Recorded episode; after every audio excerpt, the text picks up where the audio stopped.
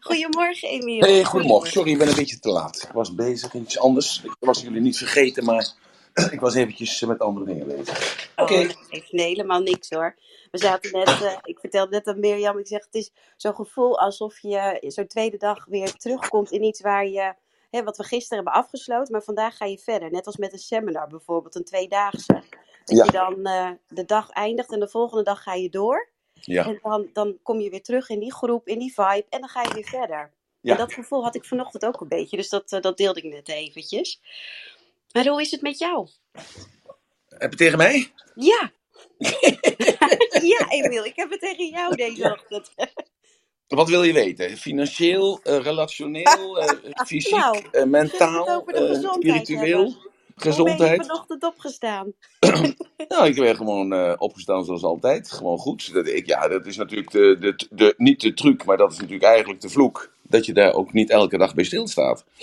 En echt moet je er elke dag bij stilstaan dat je toch weer gezond op mag staan. Ja, En eh, dat je weer eh, je dingetjes mag doen. Dat is eigenlijk heel normaal, totdat de crisis komt. Hè. En die crisis zou er kunnen zijn dat je met de AOW gaat. Of de crisis zou kunnen zijn dat je je bedrijf aan de kant doet. En, eh, of je, je krijgt ontslag omdat je een bepaalde leeftijd hebt bereikt. Ja, en dan moet je maar weer het weer zien te rooien. Ik dacht daar toevallig net aan in, de auto eventjes. Toen dacht ik bij mezelf, ja, het gaat allemaal maar normaal. Hè? Het gaat allemaal crescendo, het gaat allemaal goed. Eh, dus dat is eigenlijk normaal. En toen dacht ik van, ja, wat, wat zou dat nou zijn als je gaat scheiden? Ik heb dat natuurlijk een paar keer meegemaakt. En toen dacht ik bij mezelf, ja, dan verandert eigenlijk alles. Want je hebt een bepaald rollenpatroon, dat is die derde, eh, die derde persoon eh, waar ik het dan vaker over heb. En dan moet je het weer alleen doen. Hoe zou dat nou zijn als je niet zo flexibel bent, of als je niet geoefend hebt in je, in je werkzame leven, of niet hebt geoefend op school, of niet hebt geoefend in, de, in je jeugd daarmee, om dus elke keer te kunnen veranderen en je aan te kunnen passen en dan weer opnieuw te kunnen beginnen vanuit nul. Dus daar dacht ik toevallig aan, ja. Ja, dat is hetzelfde met, met ziek zijn natuurlijk. Ik ken een paar mensen die eh, in het ziekenhuis gelegen hebben op eh, intensive care met de COVID. En eh, ja, de, eentje heeft er eh, twee maanden in gelegen, de eentje heeft er eh, drie maanden in gelegen. Daarnaast hebben ze alle twee hebben ze moeten revalideren. En eh, ja, weer opnieuw moeten leren lopen, die spieren weer moeten ontwikkelen daar. Ehm, ja, weer anders moeten eten. Ze hebben een, eh, hele andere smaak gekregen, andere geur gekregen. Het is zelfs de eentje die heeft eh, coronavoeten. Dat is, eh, dat is iets heel aparts. Die voeten zijn anders gaan staan. En dan denk je bij jezelf van ja, wat, eh, ja als je dat toch overkomt, ja, dan, dan is dat nog even wat zeg. Hè? Ja, En, ja, Maar goed, dat zijn allemaal dingen die, die, die, als je daarbij stilstaat pas, dan, dan word je daar pas van bewust. En zolang alles goed gaat, eh, of je denkt dat alles goed gaat, dus buiten jou om gaat alles goed, dan eh, is er ook geen noodzaak om dat automatisme, hè, dus dat onbewust competent, om daarbij stil te staan, dan is dat gewoon normaal. ja. En Eh, gisteren heb je ons daar ook ja, heel Ja, mooi aan het einde van de sessie nog een stukje huiswerk in meegegeven. Hè? Van, ja, ja, met het ratelbandje, sta nou eens stil bij iedere ja, hap die je neemt. Bewust van wat, wat doe ik nou en wat, ja, hè, waarom enzovoort. En misschien dat dat ook wel een leuke is eh, eh, voor vandaag en zometeen ook om hè, ons open podium te voeden. Om te vragen van nou hoe mensen daarmee aan de gang zijn gegaan. En hoe dat bewustzijn gisteren een plek heeft gekregen in dat voedingspatroon of in die voedingspatronen. En maar een hele belangrijke. En ik zie, Michel, je bent al bij ons op het podium. Goedemorgen. Jij krijgt zo meteen als eerste de ruimte. Dat vind ik wel echt terecht. Emiel, wat vind jij daarvan? Want Michel heeft het Hey, plaatsje gisteren eh, even afgegeven. Ja, ja, en hij had toch, eh, eh, herinner ik dat goed, dat hij gisteren nog een vraag had en zei, nou, dan wacht ik morgen wel ja. Dus daar gaan we zo meteen mee beginnen. Zullen we dat gewoon nu vast afspreken? Nee, dat is Ja, goed. Eh, Heel Helemaal goed. goed. Nou, dan doe ik nog eventjes gauw de, de huishoudelijke mededeling dat deze room vandaag ook weer wordt opgenomen. En nou ja, dat al die prachtige content en die gesprekken die er plaatsvinden, dat die terug te luisteren zijn. En hoe dat gaat en eh, hoe je daarbij kunt komen, dat kun je op eh www.ratelband.com kun je dat teruglezen. Dus eh, nou ja, wil je eens wat terugluisteren, dan kun je daar naartoe gaan. En we zijn ongeveer een, eh, een uur, anderhalf, nee, nee, een uur, dat is het streven, maar dat kan natuurlijk wel eens uitlopen. Zijn wij in de lucht en wat ik net al even kort zei, we houden van een open podium. En dat is meteen de uitnodiging naar jullie allemaal. Wil je meepraten? Wil je lekker snel kunnen reageren of je vragen kunnen stellen? Dan steek je gewoon lekker je hand op, dan kom je bij ons op het podium en dan mag je ten alle tijden lekker er tussendoor komen vragen stellen. En ja, met elkaar mogen we er dan een, een mooi gesprek van maken. Dus, nou, voor, dat is eventjes uh, voor nu het, uh, het huishoudelijke. Zullen we dan uh, lekker van, van wal gaan steken? Ja, en helemaal top, top, want uiteindelijk komen we daarvoor. Ja. ja, gisteren, gisteren hebben we dus even het een en ander besproken. heb ik even wat, wat dingetjes verteld en eigenlijk komt het hierop neer dus uh, de, ik heb verteld uh, dus dat uh, voedsel kun je 40 tot 60 dagen kun je zonder voedsel. Vocht kun je 4 tot 6 dagen. En zuurstof kun je maximaal 3 minuten. Dus met andere woorden, in mijn optiek is het zo dat zuurstof het meest belangrijke is. Want als je daar dus vier, weken, minuten, vier weken, moet mij horen, vier minuten zonder bent, dan is het einde verhaal. en dat geheel, dus dat, dat voedsel, dat vocht en die zuurstof, die zorgen ervoor dat we in beweging kunnen blijven. En dat beweging kunnen blijven, dat is leven. En daarom heb ik het altijd zo, niet zo op het woord balans of, of op, op harmonie. Omdat op het moment supreme dat er balans is, dan sta je stil, is er geen beweging meer. En dan is het dood, dan is het voorbij, dan lig je in de kist. En daarom heb ik dan ook, ook dus, zeg ik dan ook altijd de stabiliteit. Als je die stabiliteit begrijpt, dan, hebt, dan kun je van daaruit verder gaan. Nou, daar heeft Robert dat mooi toegevoegd een paar dagen geleden met de, de metafoor van van het, het, het, koord waar je overheen danst. En dat je daar dus dan toch in beweging blijft. Want ook als je stilstaat op dat koord, dan beweegt dat koord. En dan moet je daar toch je evenwicht in bewaren. Uh, maar het, het, gaat om het besef dus, want dat, is eigenlijk de, toch de boodschap van gisteren geweest. Het besef dat het een geheel is. Het is een holistisch geheel, zoals we dat noemen. Een, het lichaam en geest en ziel. Uh, ik, ik geloof dan in de ziel, hè, dat is mijn overtuiging. Uh, dus dat mag je zelf overnemen of niet. Maar dus het holistisch geheel. En dat hangt met elkaar samen. En daarom heb ik ook, uh, zeg ik ook vaker met bewegen. Als jij huishoudelijke taken doet. En huishoudelijke taken wil niet zeggen uh, strijken en alleen de, de, de, de, vaat wassen of zo. Nee, maar huishoudelijke taken. Dus je, je, je verzorgt de tuin. Je verzorgt de familie, je bent bezig met koken, je bent bezig met, met de voorbereidingen voor vanavond, hè, dus bed opmaken en dergelijke. je bent de boel aan het opruimen. die beweging is in principe al voldoende, als je dat intens doet, althans, is al voldoende om je mechaniek uh, zoals het, als het ware, als je je lichaam als een klok ziet, om dat in beweging te houden. Omdat je namelijk in die taken die je hebt te vervullen, als, uh, uh, als man of als vrouw of als mens, dan heb je daar al beweging toe. Die beweging zorgt ervoor dat alles in beweging blijft. En als je dan kijkt naar je lichaam, dus ik heb gisteren verteld eventjes, uh, uh, dus we hebben ongeveer een, ons lichaam bestaat voor ongeveer 50, 60 procent uit vocht. Dus iets minder als dat mensen zeggen dat het 80, 85 procent is. Het is 50, 60 procent. Alleen als je kijkt naar de longen is dat ja 95 procent. Als je kijkt naar de ogen is het 99 procent. Maar als je kijkt naar de botten en de tanden, dan is dat uh, vochtgehalte is maar, maar 10 procent. Dus maar als je gemiddeld kijkt is het 50, 55, 60 procent maximaal. En dus je moet zorgen dat dat vocht ehm, uh, op niveau blijft. Uh, ook omdat we vaker hebben besproken dat in de hersenen het mentale proces waar eigenlijk alles begint, het mentale proces, dat dat voor uh, 90% uit vocht bes, bestaat, omdat dat allemaal elektriciteit is. En die elektriciteit, dat weten we allemaal, geleidt dus het beste met water, dus vocht. Ja, en daarom uh, zorgen dat je ongehinderd, ongehinderd zuurstof kunt krijgen. Dat is dus taak nummer 1. Ervoor zorgen dat je dus het vocht op peil houdt. Dat is dus 2 liter, 2,5 liter per dag. En dat je zorgt dat je juist voedsel eet, waardoor die microbioom, want daar, is, daar gebeurt dat hele verhaal bij. Dat microbioom, dat die microbioom uh, gekieteld wordt, letterlijk gekieteld wordt, zodat hij dus die microbiome zie ik ook als een persoon in mijn lijf. Uh, dat al die beestjes, het zijn er 40 biljoen, dus dat zijn 40 miljoen, miljoen beestjes die daarin zitten, die zorgen ervoor dat al het voedsel wat je tot je neemt, dat dat verteert. En daar kun je dus, uh, die kun je saboteren, je kunt die beestjes saboteren, je kunt die beestjes het moeilijk maken en je kunt die beestjes kun je het makkelijk maken. Nou, uh, ik denk dat je daar, als je dat besef hebt, dat je die beestjes moeilijk kunt maken of makkelijk kan maken, ja, dan hoef je maar een paar dingen te doen. En dat is ervoor zorgen dat je veel vezels eet. En die vezels die zitten voornamelijk in groente groenten en fruit. En die vezels, die, ja, die knagen die beestjes uh, lekker kapot. Daar hebben ze lekker actief mee. Zoals jij ook lekker actief blijft als je iets te doen hebt wat, wat voor jou nuttig is of voor jou waardevol is. En zo blijven die beestjes blijven dus actief als jij ze dus het juiste voedsel geeft. En zij zijn in staat om juist uit dat voedsel, wat goed voor hen is, ook de stofjes te halen die goed voor jou zijn.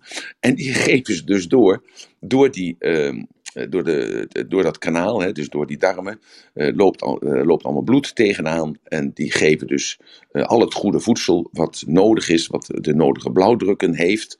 want je lichaam kan alleen maar dat lezen wat bij hem hoort. Dus dat is dat natuurlijke waar we het elke keer over hebben. Dus iets onnatuurlijks, dat kunnen ze niet lezen. En ehm, zo zorgt het, bloed er dan weer voor, wat ook bestaat uit, uh, ja, uit 99% uit water. Dat zorgt ervoor dat dat bij uh, die plekken komt waar het nodig is, waar die verbranding plaats kan vinden. Dat zijn die celletjes, dat zijn die fabriekjes die er zijn in ons, in ons, in ons lijf. En die fabriekjes die, uh, ja, die, die sterven af en die komen weer opnieuw. Die hebben een soort uh, kop kopieergedrag. Hè? Dus wat ze, wat ze doen, dat doen ze goed. En als ze het juiste voedsel krijgen en de juiste zuurstof krijgen en het juiste vocht krijgen, zodat ze die elektriciteit kunnen blijven opwekken, uh, waardoor die beweging blijft tussen die cellen onderling, ja, dan uh, op een zeker moment is die cel uh, voldaan, heeft zijn taak volbracht, hij kan zijn, zijn vuil niet meer kwijt en dan, ja, dan komt hij dus in de stroom van het lymfeklierstelsel en dan voer je dat af door middel van van de urine en door middel van de feestjes, dus door middel van de poep en door middel van het zweten wat je doet en het uitademen. En zo heb je de cirkel weer rond. Dus de verantwoordelijkheid ligt bij jou. Je bent de grote kapitein. Je ligt daar, jij zit daar bovenop je eigen hoofd, zoals ik dat dan visueel maak. En jij, uh, ja, jij dirigeert al die beestjes, die miljoenen en biljoenen beestjes uh, in jouw lichaam, dirigeer jij uh, een bepaalde kant op. Nou, en daarom is dat mentale is zo belangrijk. Dus dat is dat geestelijke, dat boven in je hoofd. Dat het functioneel is om te geloven in iets goddelijks. Is gewoon functioneel. Dat geeft jou rust. Dat geeft je voldoening, dat geeft je een doel. Uh, dat is opgebouwd uit een aantal rituelen, uh, wat je vastigheid geeft. En dat mentale proces van doelen stellen, compelling future. Uh, je weet waar je het voor doet, want je wilt gezond oud worden met de mensen waar je van houdt. Je wilt blijven zorgen of je blijft, wilt dienstbaar zijn voor andere mensen waar jij de verantwoordelijkheid voor hebt. En zo hou jij jezelf dus gemotiveerd en heb je elke ochtend weer zin om op te staan, want dat is het geheim. Je hebt zin om op te staan. En als je zin hebt om op te staan, ja, en uh, je vergiftigt je lijf niet, hè? want de meeste mensen eten zich dood met hun tanden, maar je bent daar bewust mee bezig. Dan is er dus in het mentale proces al iets van: hé, hey, hij zorgt goed voor ons. En als je dan af en toe een keer naar McDonald's gaat, is er niets aan de hand. En ga je af en toe eens een keer een borrel drinken, of een, of een McDonald's halen, of een, uh, iets verkeerds eten, wat niet zo natuurlijk is, is er niets aan de hand.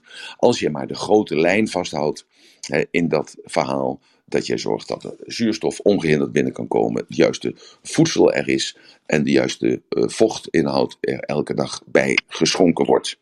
Nou, dat is, was eigenlijk het verhaal van gisteren. Heel simpel, eigenlijk allemaal. Je moet het niet moeilijker maken dan het is. En vanuit die, uh, die kennis die er dus uh, vanuit die kennis die dus nu openbaar gemaakt gaat worden naar iedereen, komen weer allerlei mensen die gaan in zich specialiseren. En uh, die specialisatie, dat geldt voor hem of voor haar en dat geldt voor die persoon. Misschien, of hij denkt dat dat werkt voor die persoon. Want ik heb ook altijd heel veel modellen gehad waar ik mij aan vasthield. Ik herinner me nog uh, Fit for Life diet. Dat was in de jaren 80. Toen dacht ik, nou, dit is het zaligmakende. Ja, ik heb dat alweer achter mij gelaten. Want ik heb, ben tot de conclusie gekomen dat er te veel suiker, te veel enkelvoudige suikers zaten in het fruit. Waardoor ik te veel insuline kreeg. Waardoor ik te veel pieken kreeg in, over de dag. Waardoor ik weer behoefte kreeg aan suiker. En weer de verkeerde voedsel, uh, voedsel uh, tot mij nam. Zo, dus dat is allemaal oké. Je moet het allemaal zelf uitproberen. Maar je moet altijd goed begrijpen, dat zijn modeverschijnselen. En als je de basis goed houdt, en dat is de basis, heb ik net verteld, het begrip dat het een holistisch geheel is, alles is afhankelijk van elkaar. En uh, als je de een verwaarloost, ja, dan komen die anderen gaan compenseren. En als die anderen gaan compenseren, ja, dan ontstaat er een, een, een disbalans. dan is die stabiliteit is weg, want dan moeten bepaalde groepen moeten dan harder gaan werken om die andere groep te compenseren. Nou, en dat willen ze gewoon niet. Die willen ook een keer met rust gelaten worden. Die willen dat wel een tijdje doen. Die willen dat wel een paar dagen doen, of een paar weken, of een paar maanden, of een paar jaar. Dat hangt af van je constitutie. De constitutie is dus het aangeboren, het erfelijke wat je hebt. En uh, daarin zit de conditie dat jij in die constitutie uh, je plaats kunt vinden. En je evenwicht kunt bewaren of die stabiliteit kunt creëren. En daar ging het gisteren over. En uh, daar zijn een aantal vragen over geweest. En we zouden daar vandaag verder over gaan, dus in detail. Yes, helemaal mooi. En fijn dat je eventjes uh, terug hebt gegrepen naar gisteren. En die, ja, die basis van het, uh, het belang van zuurstof op nummer 1 en het water en de voedsel, dat we dat weer eventjes meegepakt hebben. Maar ik, uh, ik zou graag naar Michel willen gaan. Michel, wat, wat was jouw vraag gisteren? Um, nou, goedemorgen. Goedemorgen. Allemaal heel erg interessant. Ik heb enorm goed zitten luisteren. Um, ik ben niet echt overal mee eens. Wel in dat uh, de wereld uh, steeds. Ben ik trouwens goed verstaanbaar? Slecht. Ja, je, valt, Slecht? Uh, Je bent ja, altijd slecht. Je bent altijd slecht. Uh, het lijkt net Nee, dus alsof je uit een blikken trommel praat of zo. Dat, eh, dat is niet waar, maar nu is het goed. Nou, weet ik niet. Zeg maar eens wat. Oké, nou volgens mij is het nou een stuk beter. Ja, zo is ja, het goed. Ja. klopt. Oké. Ehm, ik heb toevallig eh, het laatste half jaar heb ik eh, drie huisartsen eh, geïnterviewd.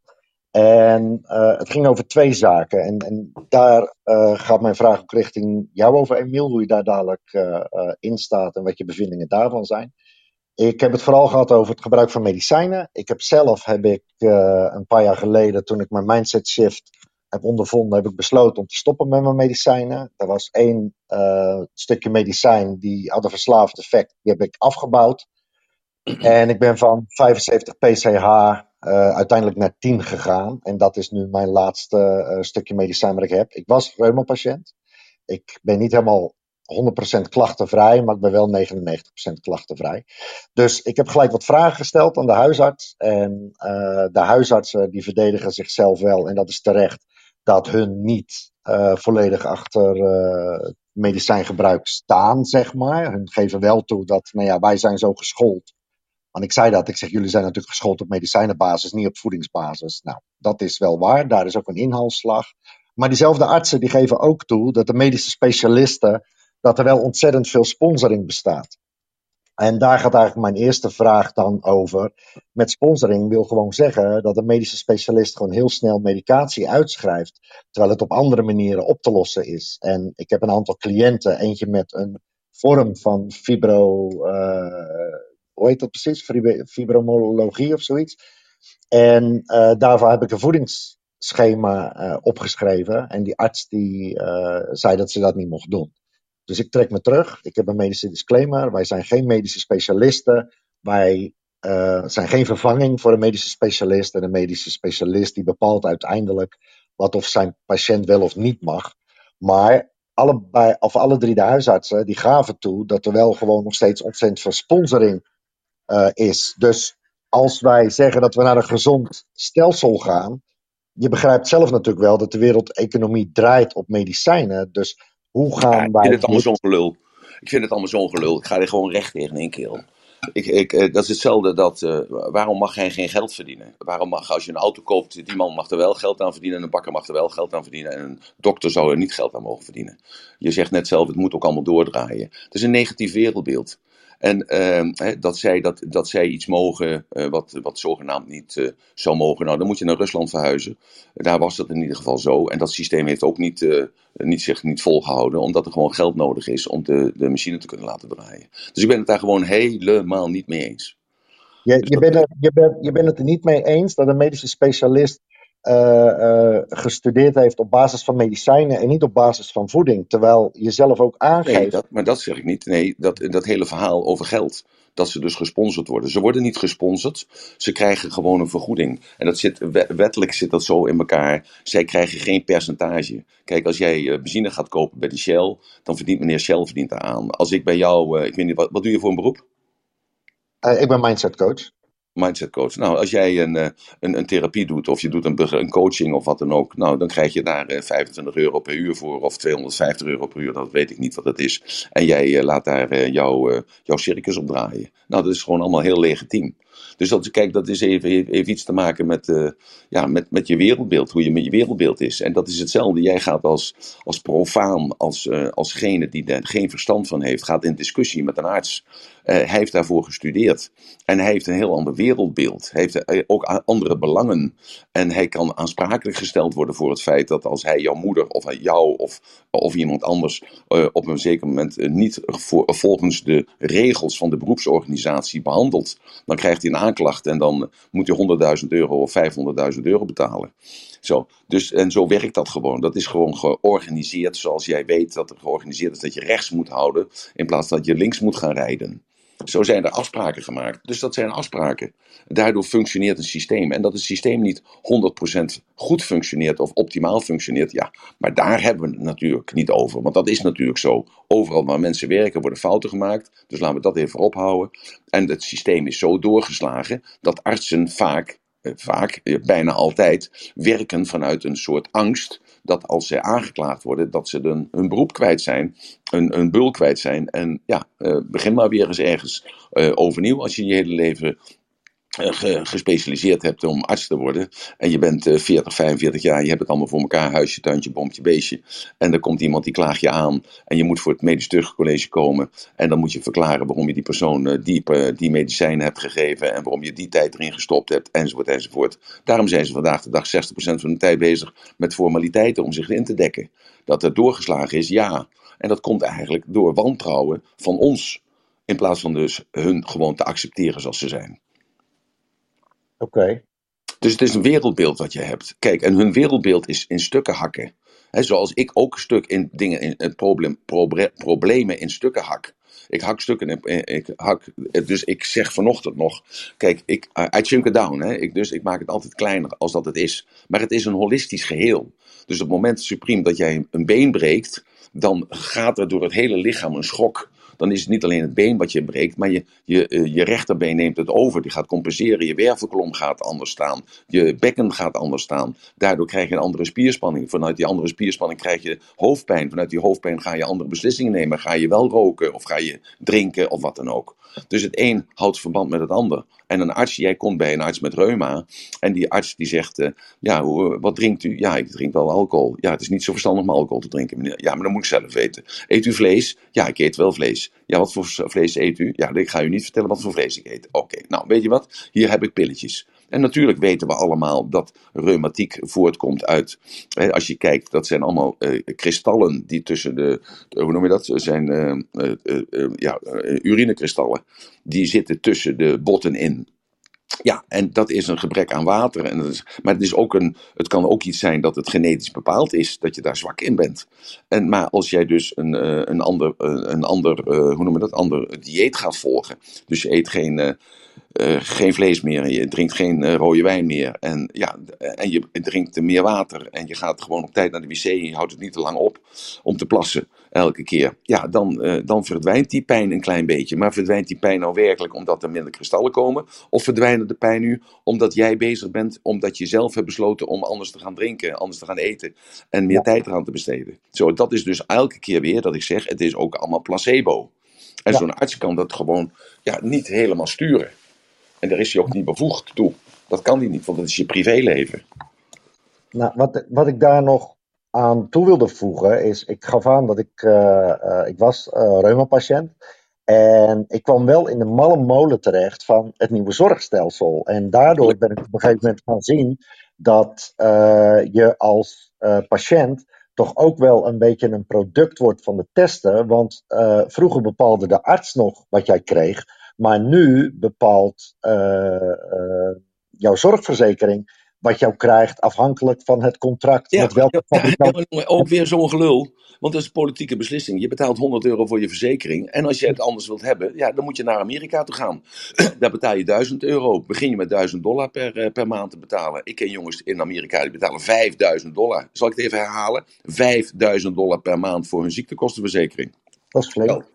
Zo, dus dat is even een ander verhaal. Kijk, in, in, in Engeland uh, is het gratis, krijgt iedereen gewoon gratis een verzekering. Ja, daar is de, nog, nog een heel ander systeem. Daar heb je helemaal je mond dicht te houden. Dan krijg je ja. gewoon wat je krijgt. En als je, als je het anders wil hebben, dan betaal je maar. Hier heb je nog een beetje een keuze. Hier kun je nog zeggen van, ik wil een verzekering hebben uh, helemaal uitgekleed voor, uh, voor 85 euro per maand, is dat geloof ik.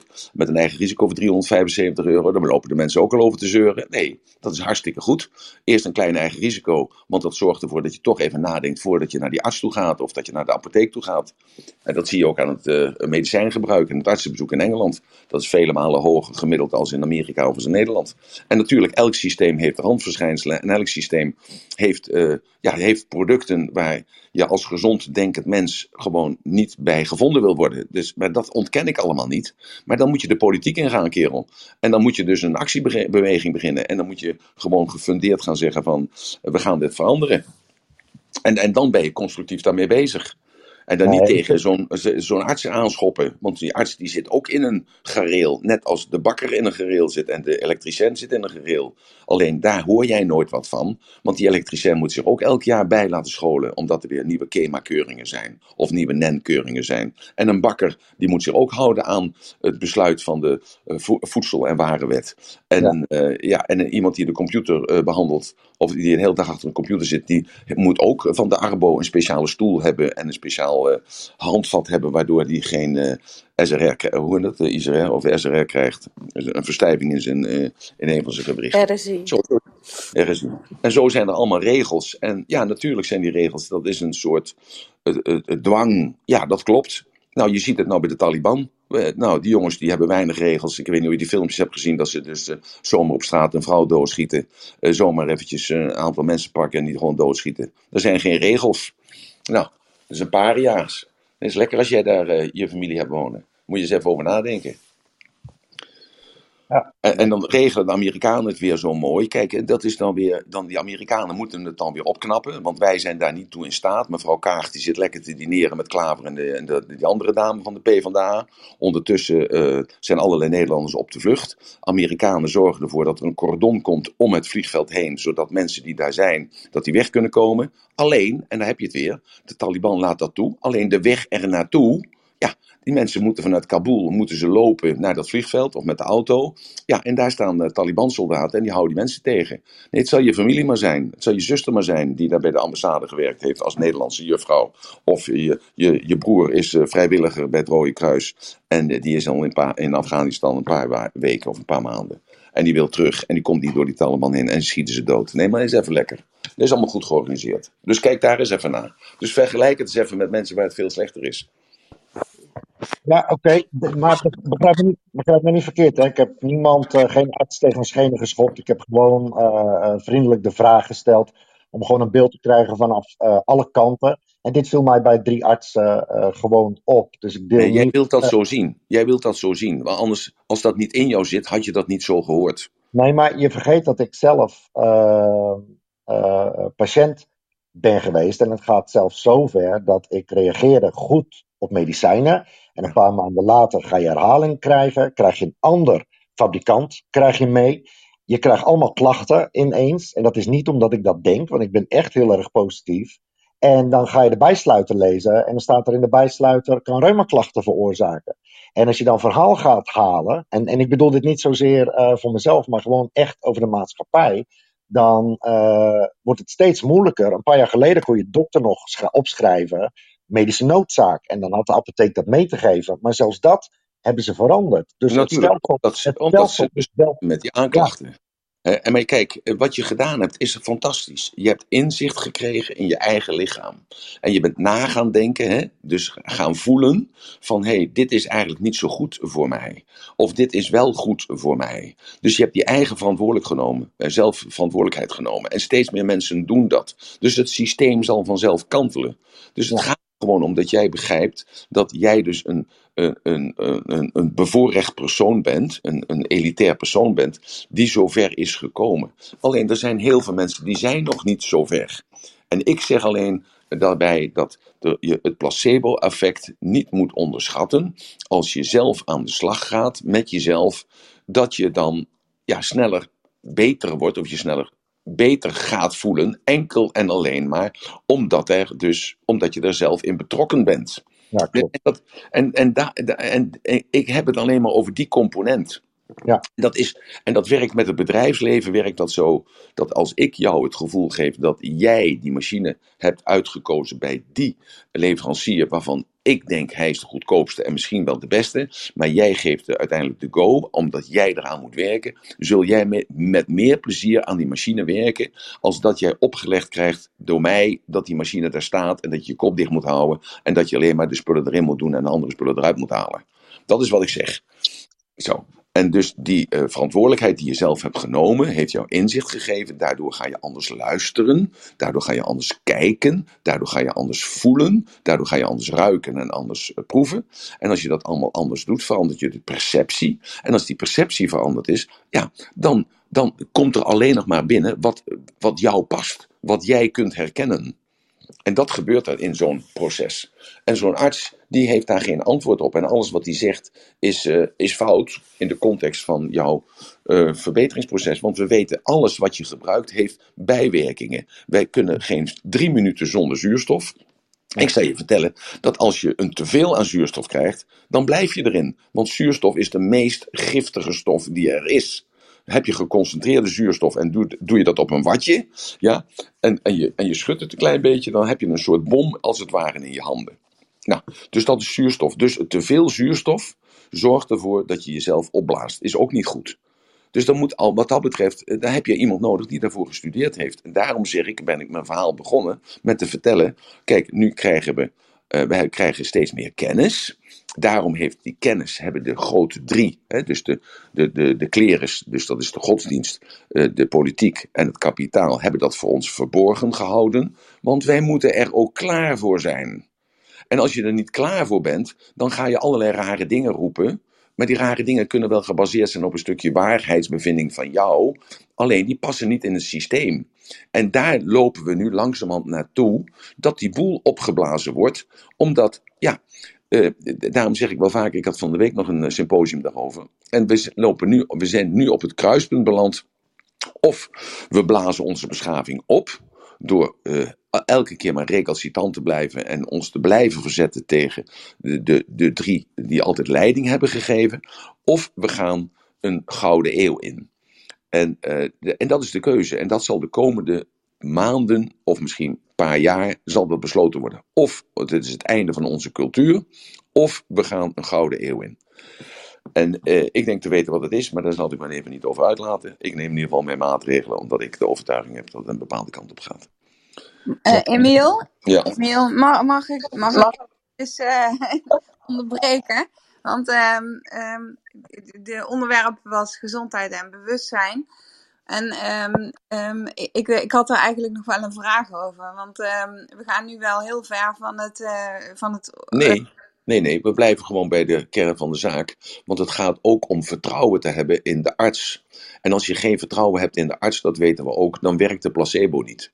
Nee, maar dat, dat bedoel ik niet. Wat Oh. ik eigenlijk bedoel is dat ik nog vragen had over de onderwerpen die Ja, ja. aan het begin van de, Ja. van de sessie. eh, Ja, ja, dus ja. eh, de, mijn, mijn vraag is of, je- of je het goed vindt dat ik daar even op terughaak. Nee, natuurlijk. Nee, natuurlijk logisch. Want daarom hebben we lekker een open, open frame.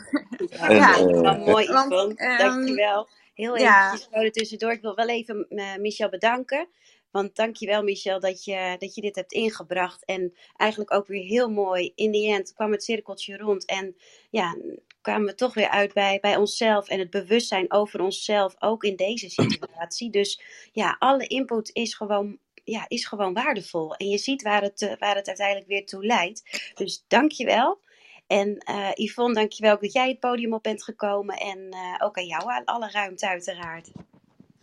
Ja, eh, dankjewel. Emiel, ehm, als ik even samenvat eh, wat, je, wat je gisteren eh, hebt gezegd, hè? dat Mhm, vond ik heel ja. mooi. eh, dat je zei van, ja, wat is eigenlijk het belangrijkste? Hè? Eh, dat is eh, de zuurstof. Ja. Eh, en eh, vervolgens eh, water drinken. En ehm, eh, ook goed voor je, voor je darmen zorgen. Hè? En eh, je zegt die darmen die kun je voeden eh, die, door bijvoorbeeld zuurkool te eten. Hè? Dat is wat probiotica. En Ja. door te bewegen en door vezels, goede vezels Ja. te eten. En wat je ook zegt is van lichaam en geest moeten in balans zijn. Dus ehm, eigenlijk eh, interpreteer ik dat dan ook als van, nou ja, hè, eh, je moet zorgen dat je eigenlijk weinig stress eh, hebt. Hè? Dus dat er een, Er zijn soort... twee soorten stress. Hè? Er zijn twee soorten stress, Yvonne. Hè? Je hebt dus de Ja. mentale stress. Hè? Dus ik maak me druk om iets en ik blaas dat op. En daardoor word ik hartstikke gek. En dus mijn hele machine raakt daardoor van slag. Maar je hebt ook stress, dat is fysieke stress. Dat zijn ontstekingen in je lichaam zelf. Ja, En nou is, nou is eigenlijk mijn vraag. ehm, ehm, als ik, waar ik zelf tegenaan loop. Hè, je hebt dus mensen die hebben verslavingen. Ja. eh, want dat verstoort natuurlijk eh, die balans. Ehm, eh, en, en vaak ontstaan die verslavingen ook door stress. Hè? Want je wil rustiger worden. Nou ja, en dan is korte, korte termijn eh, bevrediging is dan eh, lang, beter of nou, makkelijker, laat ik het dan maar zo zeggen, dan lange termijn. Hè? Dus nou, ik drink niet en ik rook niet. Maar ik heb wel één ehm makker. En dat is namelijk suiker. Ehm, eh, en ik weet dat suiker heel slecht voor mij is. En dan probeer ik allerlei diëten om minder koolhydraten te eten en eh, minder suiker eh, te eten. Maar op het moment dat ik heel moe ben of, of gestrest raak, dan op een gegeven moment dan merk ik aan mezelf dat ik gewoon ja, niet in staat ben om die suiker te, met alle beste bedoelingen. En ik weet dat het slecht voor me is. En met alle beste bedoelingen kan ik op een gegeven moment dat niet weerstaan. Omdat ik te moe ben. En dan schreeuwt mijn lichaam maar om één ding. En dat is Ja. suiker. Ja. Ehm, en mijn, mijn vraag eigenlijk aan jou is. ehm, of, of er een. eh, Wat ik eigenlijk zoek is een soort vervanging voor. eh, op het moment dat ik dus zo'n moment heb. Ehm, om een vervanging. En ik heb dus gedacht van, nou, dan ga ik een ademoefening doen. Bijvoorbeeld Mhm. eh, hè, de, de, de vi- vier tellen inademen, zeven tellen vasthouden en, en langer uitademen. Dat, dat Ja. werkt over het algemeen. Maar Ja. mijn vraag is eigenlijk aan jou, heb jij nog een andere tip dat op het moment dat je zeg maar zo'n zwak moment hebt, ehm, hoe je dat dan aanpakt? Ja, ik zou eerst een vraag willen stellen. Hoe weet jij dat het slecht is? Hoe bedoel je? Hoe weet je dat het slecht is? Hoe weet jij, hoe weet jij dat het slecht is, die suikerinname? Omdat ik eh, ehm, op het moment zelf, dan voel ik me fantastisch. Maar twintig minuten later word ik dood en doodmoe.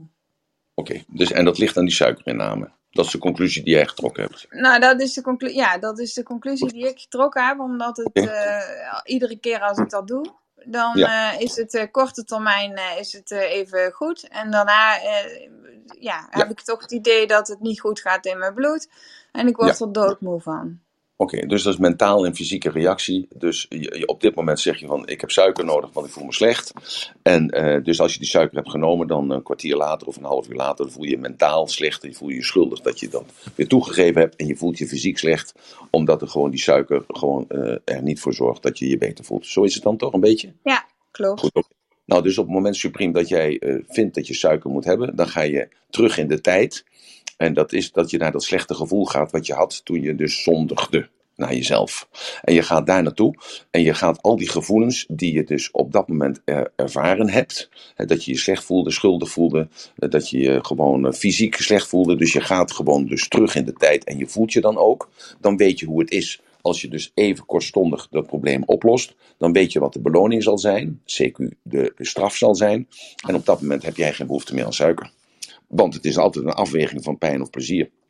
En als je in de, op dat moment de situatie creëert dat je in de pijn bent waarvan jij weet dat die gaat komen nadat je die behoefte hebt vervuld, zul jij dus die behoefte niet gaan vervullen.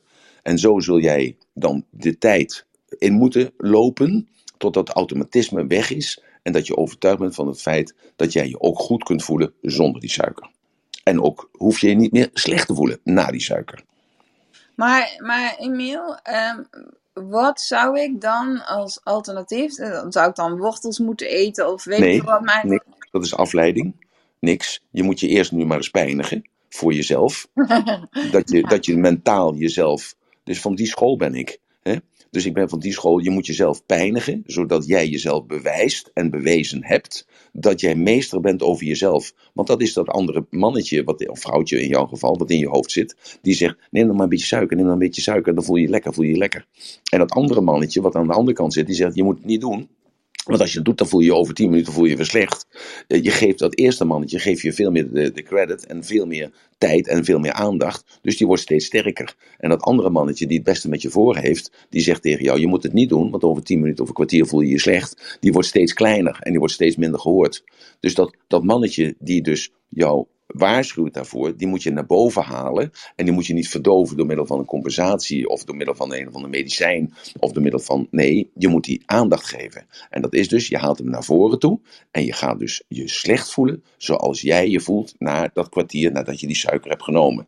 Daardoor wordt dat mannetje die jou eh, die met jou het beste voor heeft, want die wil jou niet die pijn laten lijden, die wordt steeds sterker en die komt steeds in zijn kracht te staan. En zo ontwikkel je een nieuw gedrag en ontwikkel je een nieuwe gewoonte. Zo is elke verandering een strijd. Daarom is het leven een strijd. Omdat je elke keer moet vechten om hij, hem of hij, haar die in jou zit en het beste met je voor heeft, die maak jij kleiner. Die geef jij minder aandacht.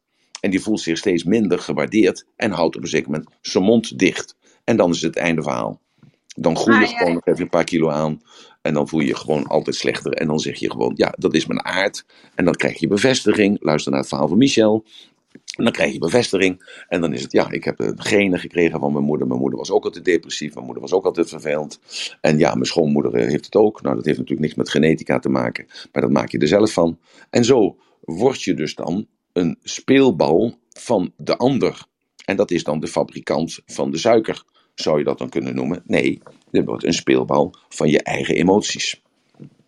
Ja, en dan heb ik nog een andere vraag. Want je, je zei net van hè, lichaam en geest zijn in evenwicht. En toen had je het over het spirituele stuk. En ik was heel benieuwd naar wat je, uh, hoe jij dat dan doet met dat spirituele stuk. Want je had het over rituelen.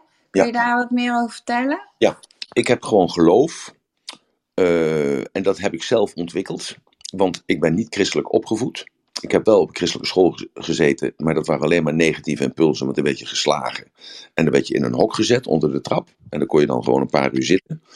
En uh, dus ik heb met het christendom niet zoveel op, zoals ik ook met elke religie niet zoveel op heb, omdat daar dogma's in zitten. En ik ben een vrijdenker. En ik, ik geloof ook niet in dogma's, zeer zeker niet anno 2021. Jij moet dit en dan word je later beloond. Daar geloof ik niet in. Uh, dus ik heb wel iets of iets. Ik weet gewoon dat God in mij is. En God om mij heen is. Want God, en ik noem hem God. Je mag het ook Allah noemen, of eh, Boeddha noemen, of energie noemen, of het licht noemen, of het geluid noemen. Het maakt allemaal niet uit. Ik weet dat alles God is. En alles eh, is doordrongen van hem. En eh, je hoort mij wel eens zeggen, zijn hand rust op mijn schouder. En dat heb ik als kind zijn, heb ik dat al zo ervaren. Dus ik ben als het ware, ik heb een soort uh, panzer om. Uh, een soort uh, maliënkolder, als je weet wat een maliënkolder is. Hè? Dat is een soort harnas. En dat negatieve, dat destructieve, want dat negatieve is destructief en destructief is zwart, dat raakt mij niet. Dat raakt mij niet. Omdat ik weet dat hij voor mij zorgt. En dat is natuurlijk een placebo. Dat, natuurlijk is dat placebo. Dat weet, ik, dat weet ik ergens ook nog wel. Maar het voelt wel goed. En ik kan een stukje verantwoordelijkheid verleggen. En ik kan een stukje vertrouwen hebben op iets of iemand. Of op, op, ja, wat is het? Vertrouwen. En zoals ik gisteren vertelde, van, dat ik de dag daarvoor een gevoel kreeg dat ik niet moet gaan rijden. Ik weet niet of je er gisteren bij was. Ik weet niet of je dat nog herinnert als je er gisteren bij was. dat ik eergisteren zei van ik, uh, ik voelde me slecht. Ik dacht ik, dat ik ga een ongeluk krijgen of zo. En dan weet ik gewoon dat ik de keuze heb. Ik blijf of thuis of ik rij voorzichtig. Nou, en ik heb gewoon voorzichtig gereden. En ik uh, doe af en toe nog een keer door het oranje licht rijden. En ik doe af en toe nog eens een keer een beetje snel rijden. En ik doe af en toe nog eens een keer een beetje uh, een appje opnemen. Of een appje lezen. Of uh, een mailtje maken terwijl ik rij. Of allerlei stoute dingen die natuurlijk niemand van jullie doet. Ja, en dat heb ik gisteren, eergisteren dus bewust niet gedaan. En ik was gisteravond, of eergisteravond toen ik thuis kwam ik heb er drie uur over gereden, waar ik normaal anderhalf uur over rijd. Dan ben ik mij bewust dat ik weer veilig thuis ben. En dan ben ik me meer bewust dat ik uh, het goed gedaan heb. Ik heb en mijn taken vervuld van die dag. Want ik heb taken, zo zie ik dat ook. En dat wordt me opgedragen. En ik, en ik word gedragen. En dat, zo zie ik dat allemaal. Hè? Dus dat is mijn geloof. Het is natuurlijk allemaal idioterie. Als je dat vindt, dat begrijp ik ook. En, en zo leef ik.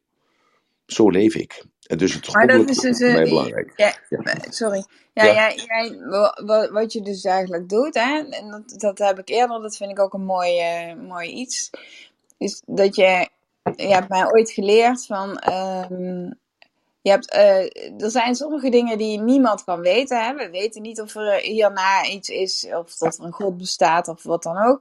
Eh, maar kies eh, datgene, ehm, op het moment dat je niet weet of het waar is of niet, dan heb je dus de keuze om te kiezen wat voor jou het beste is. Ja. En wat jij eigenlijk zegt van, nou, ik kies dat die God of Boeddha of Allah of hoe je het ook wil noemen, Ja. ehm, eh, in mij zit en mij op een goede manier, ehm, in ieder geval het, het goede zit in mij en, en Ja. adviseert mij op een goede manier. Ja. Ehm, en en maar, maar je zei ook van, ik heb daar rituelen voor. Moet ik dat dan inzien, moet ik dat dan zien dat je daar gaat bidden elke ochtend? Of eh, hoe, hoe, wat, wat zijn die rituelen dan? Ja, ik, ik noem dat heel badinerend eigenlijk. Hè? Dus het- ik maak dat eigenlijk kleiner als dat het is. Eh, dat is dus dat ik s'avonds de kassa opmaak. Want ik heb dat, die metafoor van mijn moeder, die vroeger elke avond de kassa opmaakte. Eh, die maakte de kassa op, eh, want wij hadden niet zoveel geld. En dan sloeg ze de kassa af s'avonds en dan had ze 65 gulden omzet gehad of zo. En dan zei ik tegen mama altijd van, of niet altijd, dan zei ik toen ik een beetje ouder was. Dan zei ik tegen mama van, waarom maak jij de kassa nou eigenlijk op? Dat is toch niet nodig? En toen zegt ze, ik weet gewoon waar ik wil staan s'avonds. Of ik mijn mensen kan betalen. En of het goed gaat. Zo, dus daarom maak ik s'avonds de kassa op. En christenen noemen dat bidden. Hè? En, eh, en ik noem dat bewust geen bidden, omdat bij heel veel mensen, en ook bij mij, dat bidden, het woord bidden, een, een negatieve associatie is. En daarom stel ik mijzelf s'avonds die vragen: wat heb ik gegeven vandaag? Want als ik weet dat ik wat gegeven heb, dan voel ik mij dankbaar. Dankbaar dat ik dat gekregen heb en dat ik dat door mag geven. Want ik ben dat zelf niet die dat geeft. En dan, eh, dan zeg ik, wat heb ik dan geleerd vandaag? En dan heb ik altijd wat geleerd en daar ben ik ook dankbaar voor. Dat ik vandaag wat geleerd heb. Want dat ik op mijn leeftijd nog mag leren. Dat heb ik me nooit kunnen voorstellen toen ik een jaar of 30, 40 was. Dat als je op die leeftijd komt, dat je nog mag leren elke dag van je ervaringen, van je goede en negatieve impulsen die er zijn geweest. En dan stel ik mezelf er weer die vraag van, wat heb ik vandaag dan gedaan waar ik trots op mag zijn? Nou, en dan ben ik weer dankbaar. Dus ik ben eigenlijk altijd in de staat van dankbaarheid, enkel en alleen omdat ik s'avonds de kassa opmaak. En of er nou 45 euro in zit, of er zit eh, 45.000 euro in, of 4,5 miljoen, of er zit gewoon eh, 10 cent in, maakt niet uit. Ik ben gewoon elke avond dankbaar dat ik gewoon realiseer dat ik dat allemaal gekregen heb. En dat ik dat mag gebruiken. Ja, het is het Ja, is- dat is ja. prachtig. mooi hoe je dat ook, eh, ook weer vertelt. Dus, en met eh, deelt over Maar de, ik, ik begrijp ook best, opmaken. en daarom begrijp ik ook best dat andere mensen die. Het, het wonderlijke daaraan is enkel en alleen wat je je af zou kunnen vragen. Men heeft een keer een mevrouw in de vijfde, in de vijfde room heeft een mevrouw daar antwoord op gegeven. Waarom? Dat kwam dat ik daar zo overgevoelig voor was. Dat ik die betekenis kon geven. Dat ik die metafoor begreep voor mijn eigen bestwil. En die mevrouw heeft dat, dit is de vijfde of de zesde roem is die erin gekomen. Die heeft me dat verteld. Die is daarna nooit meer terug geweest. Maar dat inzicht wat die mevrouw mij gegeven heeft, heeft mijn wereldbeeld weer totaal veranderd. En eh, heeft mij bewust gemaakt van, eh, van hoe mooi dat is dat als je in een, in een groep zit, hè, zoals we nu vandaag zitten in een groep van 20 of 30 of, of 80 man, maakt helemaal niet, uit- maakt helemaal niet uit eh, hoeveel man dat zijn of vrouwen dat zijn. Maar dat er dus gewoon interactie is en dat je dingen hoort die ver van je bed staan, of in één keer dingen hoort waar je denkt, ja, wauw, nooit over nagedacht. Wauw, dat, dat dat kan. Zoals ik laatst tegen mijn zoon zei, loop nou eens dat stuk. Hij zei, waarom? Ik zeg, loop nou eens dat stuk. En daarna zal ik je een paar vragen stellen. Nou, hij heeft dat stuk gelopen, dat was een kilometer of drie, vier. En toen kwam hij terug. Hij zegt, nou, wat, wat, wat wil je me nou vragen? Ik zeg, wat heb je nou gezien? Hij zegt, ja, ik heb veel meer gezien dan dat ik in de auto er voorbij rijd. Ik zeg, precies. Ik zeg, dus heel af en toe moet je ook lopen. Hoef je niet met de auto er langs te rijden. Met andere woorden, heel af en toe moet je rust nemen. Dus ik neem s'avonds altijd even rust als ik de kassa opmaak. Dat is één ritueel. Ja, Maar dat, dus, dat dat. is, Dat is wel heel mooi, want eigenlijk focus je daarmee op het positieve. Juist. En, en ja, maar, en kijk, en dat is bijvangst. Ja, en zo zijn er holistisch gesproken heel veel bijvangsten. Want ik denk dan nog even na. En dan denk ik, ja, dat heb ik vandaag niet goed gedaan. En als ik iets niet goed gedaan heb, dan bel ik die persoon s'avonds eventjes, s'nachts om twee uur. Dan neemt de telefoon natuurlijk niet op. Eh, of ik stuur hem een appje, of ik stuur even een mailtje. En eh, de volgende morgen dan, eh, dan bel ik gelijk om zeven uur en dan zeg ik, sorry, ik heb het fout gedaan. Ik heb het niet goed gedaan. Dus ik maak het echt. Helemaal rond en af. Mooi. Ja. Dankjewel Yvonne voor je vraag en voor je enthousiasme ook weer. En we hebben Maruska en, eh, en Valerie ook op het podium. Wat wilden jullie eh, nog vragen? Ja, goedemorgen. Ik wil even alleen tegen Yvonne zeggen. Als je bijvoorbeeld ehm, weet dat je een beetje verslaafd aan de suiker bent of aan de kaart van de broodjes en eh, dingetjes, je moet dat gewoon niet kopen. Ik heb dat zelf ook soms, dat ik denk, eh, bijvoorbeeld bij vrouwen, voordat je ongesteld bent, dan denk je, oh ja, ik lust wel iets lekkers, maar ik weet dat dat niet goed voor mijn lichaam is. Je koopt dat gewoon niet. En dan met de tijd, op een gegeven moment denk je, oh ja, ik heb het eigenlijk niet nodig, omdat ik kan wel zonder. Mariska, dit is, Mariska, dit is heel zo fantastisch dat je dat zegt. Dat is zo simpel en zo waar. Ja, Ja, ik koop dat dat, gewoon niet meer. dat En dat is eigenlijk zo gekomen dat mijn man zei tegen mij op een gegeven moment waren we in de supermarkt en ik zeg ja, ik neem wel eh, een zak van, zakje chips, omdat ik hou niet van, eh, van chocola of zo. Ik zei ja, voor, de, voor het geval dat ik, voordat ik ongesteld ben, dat ik denk, ah, ik wist wel iets eh, wat fout is. En mijn man zegt op een gegeven moment, weet je wat, dan kopen dat gewoon niet meer. Ik hoef dat niet en eh, voor jou is het slecht, omdat daarna heb je schuldgevoel dat je hebt dat gegeten, dan kopen we dat gewoon niet. In plaats van dat eet ik kilo appels of zo, als ik zo'n vreedbui heb. En dat, dat, dat werkt perfect, omdat je lichaam zegt, ik kan echt niet kilo appels opeten. Je eet gewoon half kilo, maar je bent wel blij. En eh, heel dankbaar de dag later. Dat je hebt geen uitslag op je gezicht en je voelt je gewoon eh, gezond. En het kost minder. Nou, Ja, dank, dankjewel uh, Mariska. Dat, dat is inderdaad iets wat ik eh, ook eh, probeer. Eh, alleen in mijn, ik, eh, ik, ik ben niet alleen. Hè. Mijn, mijn gezin heeft af en toe wel eh, behoefte aan eh, al die, die cookies en al dat gedoe. Eh, dus Mhm. daarom is het in huis. Eh, en dan zeg ik ook van, nou, Ja, dat is in moeilijk, ja. voor mij. Maar los daarvan, wat ik ook een hele lastige vind, is... ehm, ik, ik kom dus uit Limburg, hè. En Mhm. eh, in Limburg is het zo dat als je bezoek krijgt, dat je dan eh, taart haalt of eh Ja, ik kom lekkere, Tsjechië, ik weet alles van hoor. De lekkere dingen. en Ja, precies.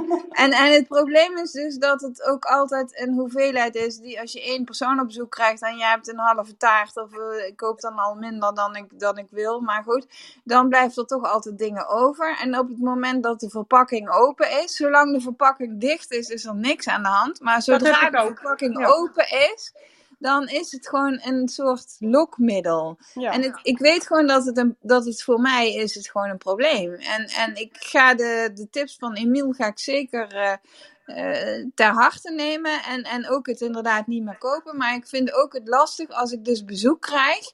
Om dan niks in huis te hebben. Dus Ja, dat snap ik. Weet je wat ook een goede truc is? Want ik heb ook zelf eh, ja, ontwikkeld voor mezelf. Als we bezoek hebben, stel je voor, komen eh, ouders van mijn man eh, bij ons. En, eh, dan wil je ook allemaal lekker dingetjes hebben. Maar op het moment dat de feest over is, stel maar voor je gaat eten vanaf 4 uur tot eh, 7 uur. Op het moment dat ik ga opstaan en dan loop ik naar de keuken om koffie te maken. En dan alles is bijna op, maar je hebt nog restjes van dingetjes wat je lekker vindt. En je weet, die zijn gewoon slecht voor je. Gooi het weg. Ik weet dat dat klinkt heel erg. Er zijn zoveel mensen die hebben geen eten, die hebben geen geld. Maar ik gooi dat gewoon weg. Ik doe het in een, in een vuilniszak en ik breng het meteen naar de garage. Omdat ik ken mezelf. Ik weet dat ik gewoon niet sterk genoeg ben. Op het moment dat dat op de bordje ligt in de koelkast of in de, in de Tupperware. Ik eet dat gewoon op. En Ja. meestal, s'avonds, weet je, mijn man is, kijk, bijvoorbeeld kijkt hij tv of gaat hij naar bed. Dan denk ik, nou, ik neem een klein stukje en dan morgen eet ik minder of zo. Nee, zo werkt dat niet. Je eet dat toch op. Omdat Ja, je weet dat je gewoon bepaalde verslaving hebt. Zo, ik gooi dat weg of ik koop het niet. Nou, ik vind Ja. het een hele goede tip en ik ga dat zeker volgen, want ik herken het heel erg goed. Dankjewel. Je bent niet de eh. enige, Yvonne. Er zijn zoveel vrouwen die dit hebben. Dankjewel. I- Yvonne, ik hoor, eh, ik hoor een paar dingen zeggen. Hè? Eh, dus het bord moet leeg zijn. Hè? Als de zak open is, dan moet het opgemaakt worden. En eh, je mag het niet laten liggen.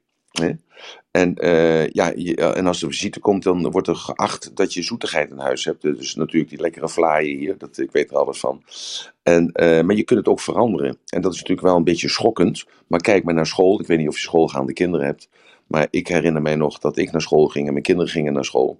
Tenminste, de oudste dan. dan, ze waren jarig, dan deden ze trakteren.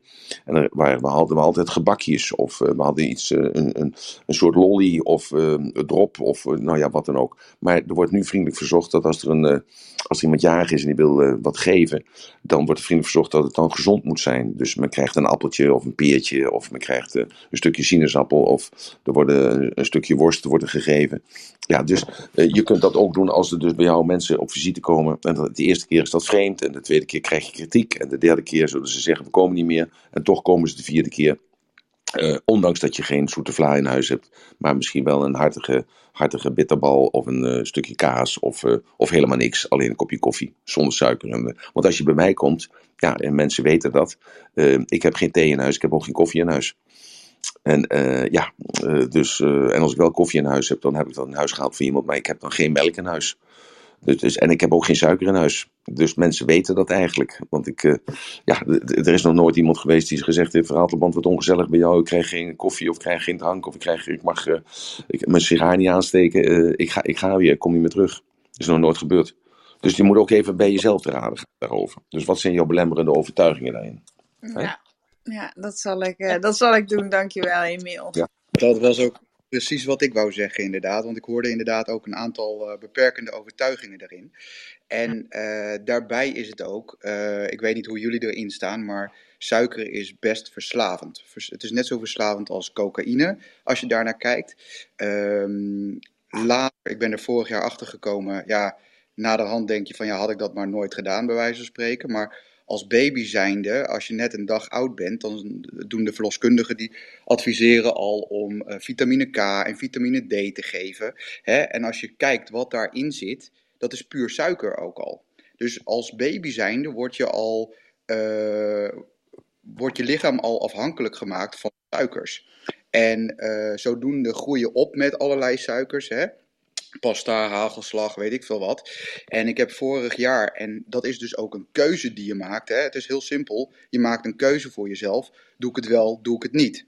En ik heb vorig jaar, heb ik toen een maand lang, heb ik ehm, eh, gewoon voor mezelf getest van wat doet het met mijn lichaam. Hè? Als ik een maand lang geen toegevoegde suikers eet.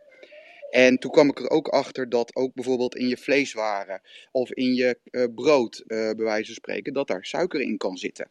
En dan kom je erachter dat als je eh, goed kijkt naar de verpakkingen, 95% van de producten in de supermarkt zit suiker in. Dus ongemerkt, ook al denk je dat je goed bezig bent met, met sommige producten uit de supermarkt, zit daar sowieso suiker in. Maar even, eh, Valerie, dat is ook helemaal waar. Ja. Kijk, eh, maar eh, ik ga terug, terug even naar af. Kijk, elk voedsel, dat zijn, uiteindelijk is dat suiker. Want we hebben suiker nodig om te verbranden, want dat is energie. Maar we hebben het ook en meervoudige suikers en eh, niet natuurlijke suikers. Want je hebt volkomen gelijk. En elke soep die je koopt, kant en klaar, of elk biscuitje wat je koopt, of eh, kant-en-klare spullen wat je koopt, dat barst van eh, de meervoudige suikers en kunstmatige suikers. En ik heb het al eerder gezegd, dat dus al die, die hebben geen blauwdruk. Dus die, eh, dat, het werkt als volgt, hè, dat weet jij natuurlijk, ik zal het nog even uitleggen nog voor de mensen in de taal.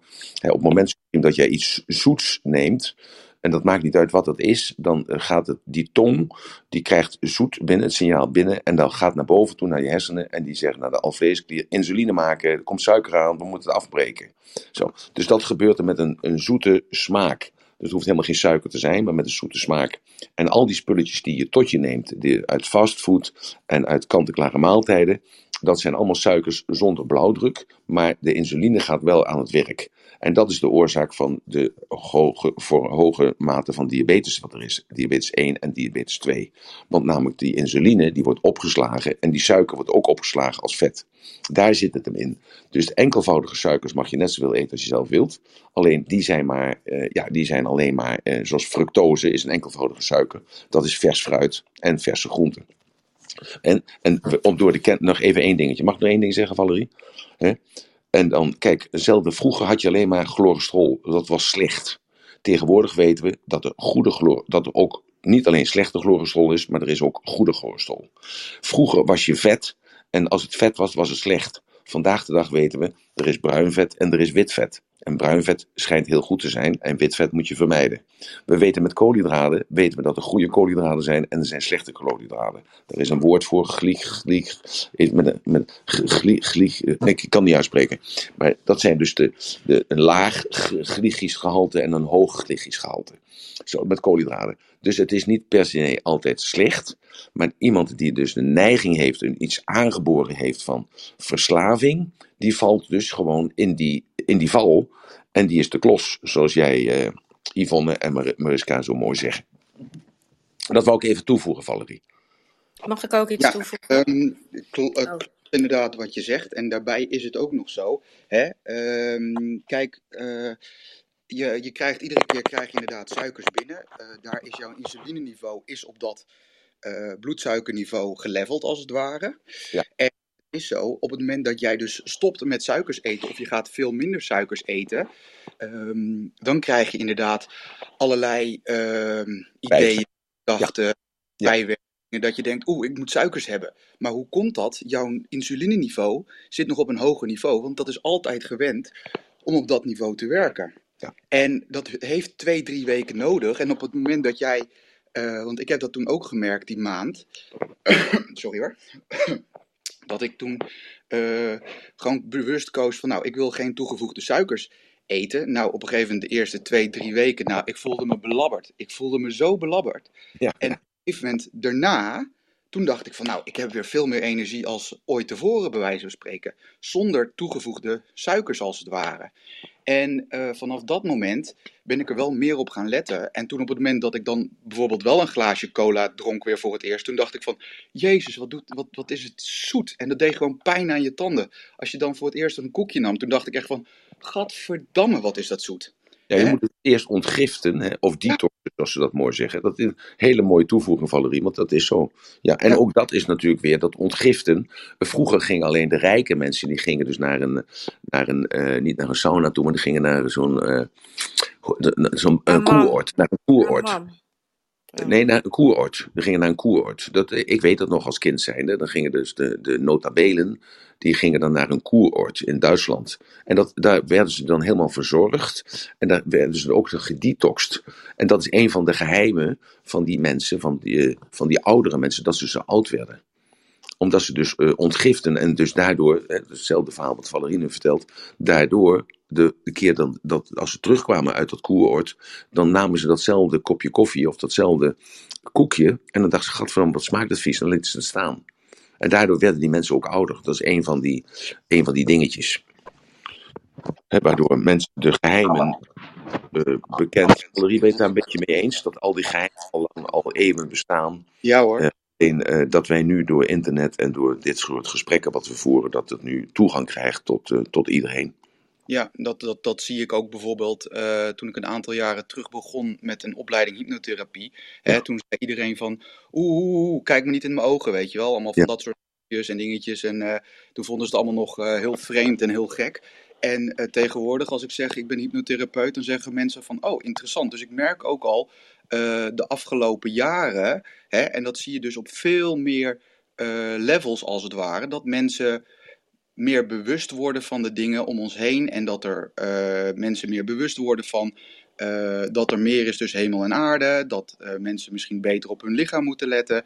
Weet je, dus wat jij ook zegt, we zitten in een soort van transitofase hè, en dat zie ik ook al een aantal jaren en dat is dan ook wel weer mooi dat het op deze manier, dat we in zo'n room zoals dit, daar ook weer meer mensen bewust van kunnen maken. Ja. Ja, hetzelfde als dat hypnose, hè, dat was al in de ja, duizenden jaren geleden, bestond het natuurlijk al. En, en eh, ja, toen werden ze verbrand, hè, dat was het een heks of zo. En, en daarna kregen ze een soort artiestenstatus. En eh, vanuit die artiestenstatus zijn uiteindelijk dan die hypnotherapeuten gekomen. Dat je dat ook, dat proces om iemand anders onder, eh, onder hypnose te brengen, kun je ook gebruiken om hem te laten genezen. Omdat je terug kan laten kijken naar datgene wat hij gedaan heeft. Zo, dus, dat, dus dat is ook een ontwikkeling. Heel mooi, goed gezegd Valerie. Oké, nou, zijn er nog vragen, Mirjam? Nou, inderdaad, want eh, dank jullie wel allemaal voor de vragen. En misschien dat er vanuit het publiek nog, eh, nog nieuwe vragen zijn. Ik zie dat we Kadisha die steekt de hand op, dus die komt bij ons op het podium. Goedemorgen. Ja, goedemorgen allemaal. Hallo. Hallo. Hallo Emiel, dankjewel. Ehm ik heb een vraagje. Ik, toevallig ben ik een tijdje geleden ben ik eh, eh, zeg maar door iemand eh, geïnformeerd over cannabisdruppels. En ik moet heel eerlijk zeggen, ik heb dus cerebrale parese, een spieraandoening. En ehm, ik ga om de, om de kwartaal laat ik botox prikken in mijn spieren voor ontspanning. En daarbij slik ik dus ook ehm, nog andere medicijnen ervoor om, om mijn spieren te laten ontspannen. Maar ehm, ik ben nu eigenlijk overgegaan, ik ben helemaal gestopt met deze medicatie en overgegaan op cannabisdruppels. en ik wilde graag vragen van, doe ik hier goed aan? Ja, dat doe je heel goed aan.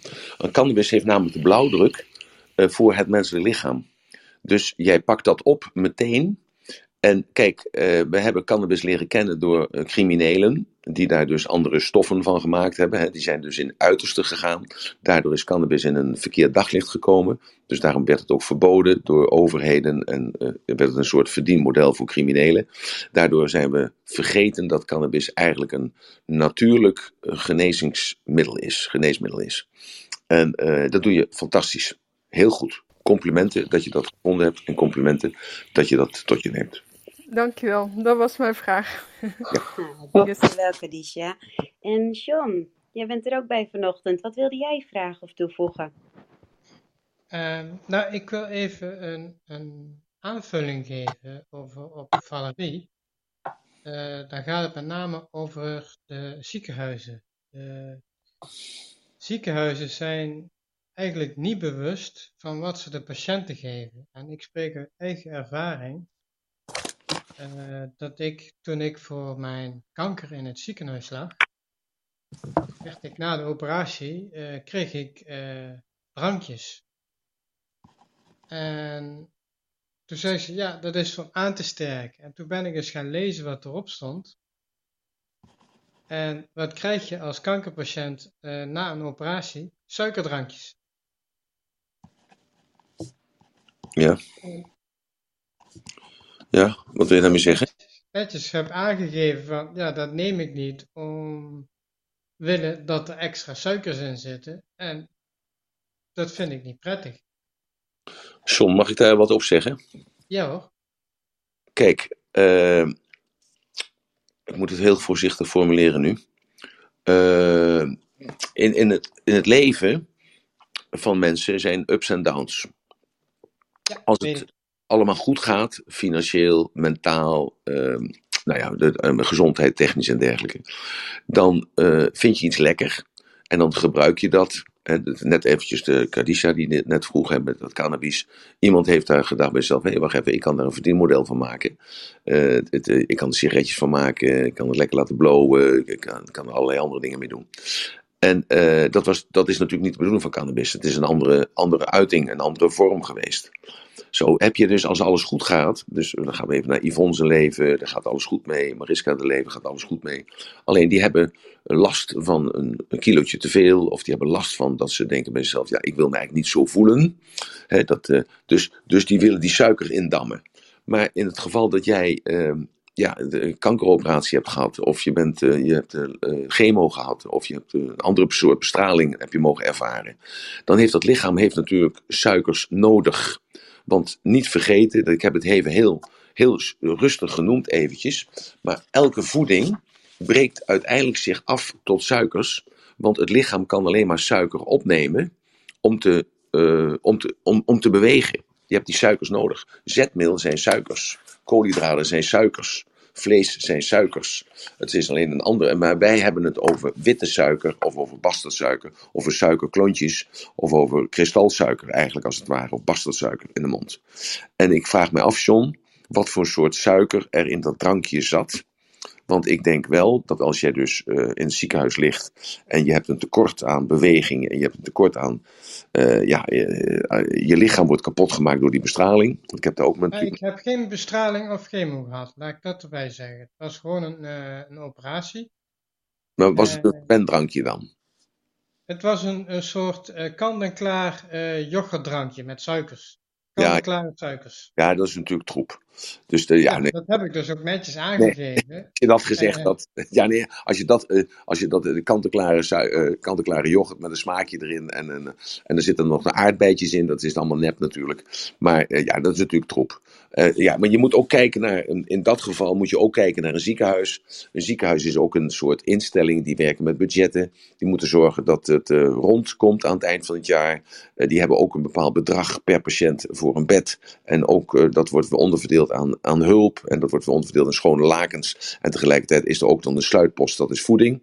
Ja, nou, de- of je het nou wel of niet mee eens bent, ja, dat klopt. Ehm, ik, ik weet wel dat als je ligt in Marokko in het ziekenhuis ligt, dan krijg je niks te eten.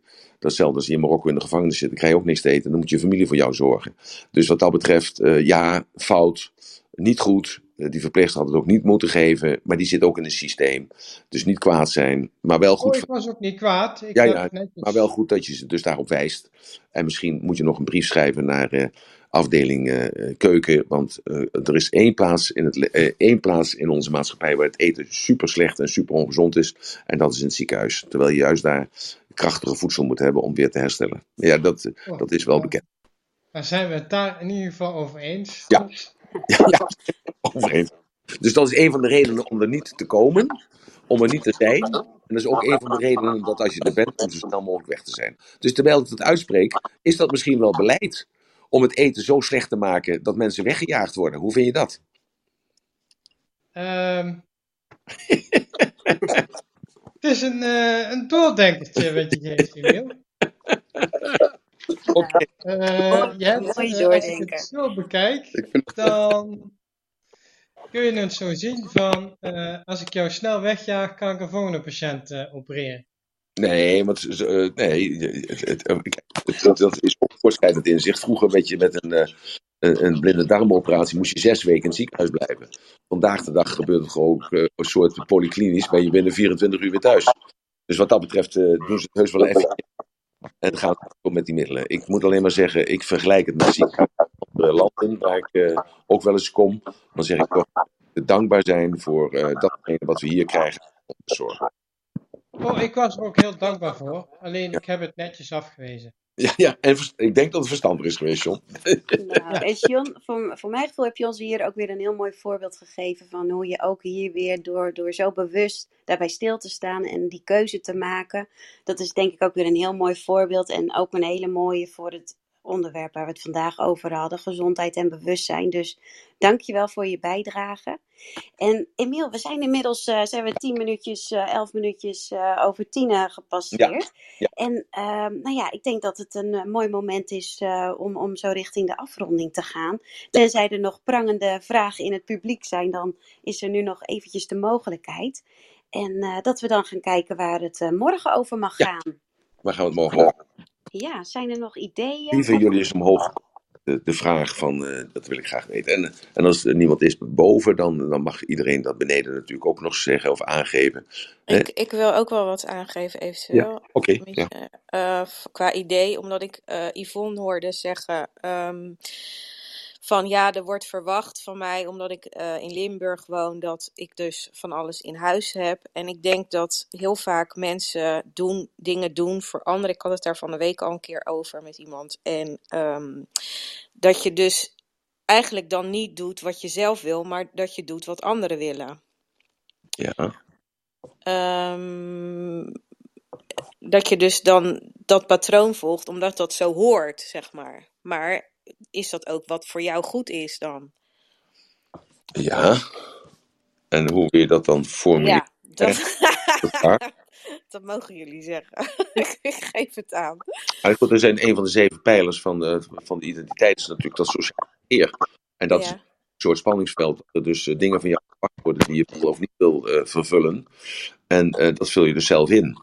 Hè? En de, die eisen worden van de ander. En dan haak je af. Dus dat, dat is, en tot hoe ver wil je gaan? Dat is een persoonlijk iets natuurlijk. Daarin. In dat, in dat sociale verkeer. ja, maar is het dan dat je daar meer bewust van kan, mag, moet worden? Of is dat gewoon de- een keuze dan? Ehm, nou ja, in, in, in, de, in, de, eh, hoe heet dat? In, in, in het kader van dat sociale omveld, dat sociale verkeer wat er is, eh, dan daar zijn een aantal normen en een aantal waardes voor. Dus dat is bijvoorbeeld in Limburg is dat anders dan in Friesland. In Friesland eh, krijg je gewoon eh, helemaal niks. En in Limburg word je, krijg je vla en koffie. En ja, mag je niet eerder weggaan tot je een tweede kop koffie hebt genomen en een tweede stuk vla, even overdreven. Ja, dat is gewoon in een klein landje als Nederland is dat al verschil in normen en waarden. En kan of niet aan aanpassen. Dus ik gaf dat voorbeeld even van die school. Dat je vroeger gewoon een lekkernij meenam. Dat was altijd iets zoets. Ja. Nu vandaag neem je een appeltje mee of eh, een komkommer. Maar ja, als het voor jezelf lastig is, dan, dan denk ik, dan mag jij toch zelf bepalen hoe je daar dan mee omgaat. Of, Natuurlijk, maar dat, dat doe Ja. je toch ook. dus nou ja, dat eh, vraag ik me af of, ieder, of iedereen dat doet. Of dat je dan toch blijft doen zoals het dan maar hoort. Of men verwacht van je. Mag ik daar wat over zeggen? ja, Ehm, ik heb een systeem dat ik vind dat jij, eh, als je bezig bent met gezonde leefbaarheid, dan hoef je natuurlijk niet in één keer je eigen eh, voor de suikers heilig te gaan verklaren. Eh, ik weet dat het een hele moeilijke stap is. Ik hoorde andere mensen zeggen hoe beroerd ze zich hebben gevoeld. Dus ik heb een systeem ontwikkeld waarbij ik zeg van nou door de week hou ik me eigen gewoon aan de afspraken en aan de voorwaarden. En in het weekend gaan wij gewoon eh, bij wijze van spreken uit onze plaat. En het voordeel daarvan is dat op een gegeven moment, als je in dat systeem zit en je gelooft erin en je herkent dat je lichaam inderdaad beter gaat reageren zonder suikers en zonder slechte voeding, dat eh, dat zakje chips wat je in het weekend opentrekt, dat gaat je uiteindelijk tegenstaan. Dus wat ik ermee wil zeggen is dat ik vind een systeem waarin je je eigen beloont voor je goede daden. Heb jij vandaag een hele goede opdracht afgerond of je hebt vandaag een succesje eh, gehaald, of het nou privé is of, of tijdens het werk, dan mag je je eigen belonen eh, met iets lekkers. En uiteindelijk krijg je die mindset shift waarbij je gaat zeggen van nou ook dit wil ik niet meer. En dat maakt het, het uiteindelijk een stuk makkelijker. En, en dat is, eh, mijn, vi- ik, ik weet niet of dat aansluit bij wat eh Mirjam zei. nee, slaat Maar- absoluut niet aan bij wat Mirjam zegt. Ik wou net zeggen, ik ben het daar een beetje mee oneens. Nee. Eh, want eh, dat kan voor jou misschien zo werken. Maar wat jij precie- precies zegt, als jij erin gelooft. En Ja. dat is, als jij Ja. erin gelooft, werkt het. Maar als, het, als jij er niet in gelooft, dan werkt het niet. Dus je eigen mindset is ontzettend belangrijk. Oké, Precies. Ja, dat wilde ik aangeven, dat jij dat zelf kan bepalen dan. Ja, dat, dat wordt het onderwerp. Want heeft het ook een beetje met verwachtingsmanagement te maken, eh, wat, wat buiten jezelf ligt? Dus een beetje de externe verwachtingen, hoe je daarmee dealt. En bij jezelf blijft uiteindelijk, wat je zelf wil. Ja. En misschien, Vera is ook bij ons op het podium gekomen toen we vroegen eh, naar een onderwerp. Vera, heb jij eh, hierop aansluitend iets of had jij een ander idee? Eh, nee, hallo. Eh, ja, gisteren hadden we het ook heel eventjes, hadden we het er ook heel even over. eh, ik vertelde gisteren over de Tai Chi en Qigong. En, eh, of de wandeling met de hond. En de wandeling met de hond, die heb ik er al in zitten, s morgens. Maar eh, we hadden het erover om goede gewoontes aan te wennen. Of dat misschien een mogelijkheid is in Rome om daaraan te wijden. Want ik, dat trok me toch wel heel erg aan dat Emiel zei en en. Maar hoe pas je het echt aan? Hoe pas je dat ritme aan? Hoe wen je je gewo- hoe- Kijk, iedereen, dat, dat hoor je nu ook, hè, eh, suikerverslaving, noem maar iets. Iedereen heeft behoefte aan eh, betere gewoontes, positievere gedachten, eh, goede, goed ritme. niet jezelf belonen met een stuk chocola, maar jezelf belonen met een stuk komkommer. Ik zeg maar even iets. Ja. Dat je zegt, wanneer, eh, hoe krijg ik die betere gewoontes, hoe krijg ik die betere ritmes erin? Ik zou dat best wel heel fijn vinden als we daar de mogelijkheid voor hadden om dat een keer eh, in te lassen, zo'n rol. ja, dus eigenlijk een goed voornemen wat je hebt en dan Ja. uitvoeren. En dan komt dat toch van Mirjam wel terug. Ja, want, eh, ik zou me zo voor kunnen stellen, Mirjam. Jij denkt bij jezelf, nou, ik ga minder suiker gebruiken. Nou komt mama op visite en die wil gewoon suiker in de koffie hebben. En dat heb jij niet meer in huis. En dan krijg je dan kritiek op dat een vrouw gewoon suiker in huis moet hebben. Want dat hoort bij onze cultuur enzovoort. Ja, ik, ik, ik raaskel nog maar een beetje. Maar, maar zoiets. Dus een goed voornemen van jezelf. En dan, eh, en dan uitvoeren en dan de weerstand van andere mensen. Ja, en, en, hoe, en, hoe, en hoe wen je het jezelf aan? Ja. En ook, kijk, eh, ik kom zelf ook van origine uit Limburg, dus dat verhaal van die fly, ik ken dat helemaal. Mijn vader had vroeger half vier standaard een stuk eh, Limburgse fly hè, bij de kop thee. Dus eh, voordat hij dan een kaartje ging leggen. Dus ik herken dat helemaal, die gastvrijheid. dat zijn tradities die zijn Nee. gewoon ingebakken. Hè? Maar wil je dat veranderen, is best wel heel moeilijk. En ook dat zijn dingen die eh, wil je het veranderen, hoe kun je het veranderen? Ja, oké, Hè? goed. En, en hoe bouw je het in in je leven en vertel je aan andere mensen, maar ook eh, ge- gewoon goede gewoontes, gezonder gaan eten of eh, inderdaad de suiker weigeren. Dat hele verhaal is gewoon hartstikke mooi als, als we ons dat meer eigen zouden kunnen maken. Want ik denk dat iedereen er wel eens tegenaan loopt. Goed, oké. Nou Mirjam, dan doen we het zo. eh, maken we ervan goed voornemen en uitvoeren. Ja? Ja, ja dankjewel. Goed zo, dankjewel. Nou, dat is nog iets wat we dan met z'n allen, eh, ja, dat jullie het met z'n allen hebben bepaald. Zo. Dus Yes, dat, mooi. En ik, eh, ik moest ook nog even denken aan een mooi bruggetje. Want Vera, je haalde de Qigong en eh Tai Chi aan. En dat, dat, daar ging het gisteren over. Toen moest ik er nog aan denken. Ik denk, hoe leuk zou het zijn om 11 september met het event... om misschien daar een klein eh, stukje ruimte voor beschikbaar te maken. Dat we zo opstarten, Emiel. Is dat Ja. niet... eh, dan kan je wel mensen ook meenemen in dat gevoel. Want volgens mij doe jij in je ochtendwandeling ook wel eens wat eh, oefeningen. mhm, mhm. Misschien Ja, dat daar... eh, nou ja, ik weet niet of er een, eh, een plekje voor is. Maar het ging Ja. door me heen. Ja, maar goed, dat kunnen we wel even overleggen. Dat, eh, dat kan. Dus de 11 september hebben we natuurlijk dat event. Ja, ik, Ja. ik hoorde geloof ik van Valerie dat die wil komen. Dus eh, die is vroeger ging die ook met me mee naar Zwolle. Dus eh, die kan meehelpen. En hoe zou het zijn in Zwolle? Of Valerie die doet ook Qigong. Of doe je Tai Chi, Valerie? Ja, beide. Beide. Oké, goed. Nou, leuk. Lang geleden. Wat zeg je, Valerie? Dat is heel lang geleden, maar dat is inderdaad Tashi geweest, inderdaad. Oké, oké. Nou, Dan in ieder geval. Nou, we hebben weer een, een gevulde room gehad zo eh, vandaag. Ja. En eh, nou, zullen we, zullen we Ratelband. eh, richting het ratelbandje gaan? Of Ja, zijn er nog dingen die je wil delen? Het heeft eigenlijk alles te maken met eh, waar ik vandaag niet toe gekomen ben. Maar dat. eh misschien kun je even je ding af, af, eh, of muten of zo. Want ik, ik, ik hoor elke keer dat geraas er tussendoor. Eh, eh, ja, dus ik wil even een, een, een ratelbandje geven. En dat ratelbandje is eigenlijk eh, misschien iets langer dan dat jullie gewend zijn. En dat, is, eh, dat gaat om de tandenpoetsen. Want dat is eigenlijk eh, heel belangrijk dat we dat eigenlijk onderschatten. En daar hebben we eigenlijk vandaag ook niet over gehad. Terwijl dat alles met voeding te maken heeft. Want daar begint het eerste verteringsproces. We hebben het gisteren erover gehad dat je absoluut niet moet drinken tijdens de maaltijd. Als je af wil vallen, dan moet je drinken voor de maaltijd. En als je niet af wil vallen, dan moet je, ik heb het goed begrepen Valerie, je moet je een half uur wachten na het eten voordat je gaat drinken. Eh, maar wat belangrijk is, is dat je je tanden goed, eh, goed spoelt en goed poetst en goed flost en goed racht. Dat je daar aandacht aan besteedt. En ik zou je willen vragen om eh, daar vandaag nou eens om flossen te kopen. Dat zijn van die dingen dat je hè, die je tanden mee kunt flossen. Raggers kopen, zodat je dus tussen je tanden dat je dus de, de stukken eruit kunt trekken en rukken. En dat je gaat poetsen, niet meer voor het eten, eh, maar nee, nee, niet meer na het eten, maar voor het eten. Dat je dat gaat doen. Dat is eigenlijk het ratelbandje voor vandaag, omdat al het voedsel en alle drank wat we tot ons nemen, wat zo belangrijk is, dat gaat eerst langs het gebit.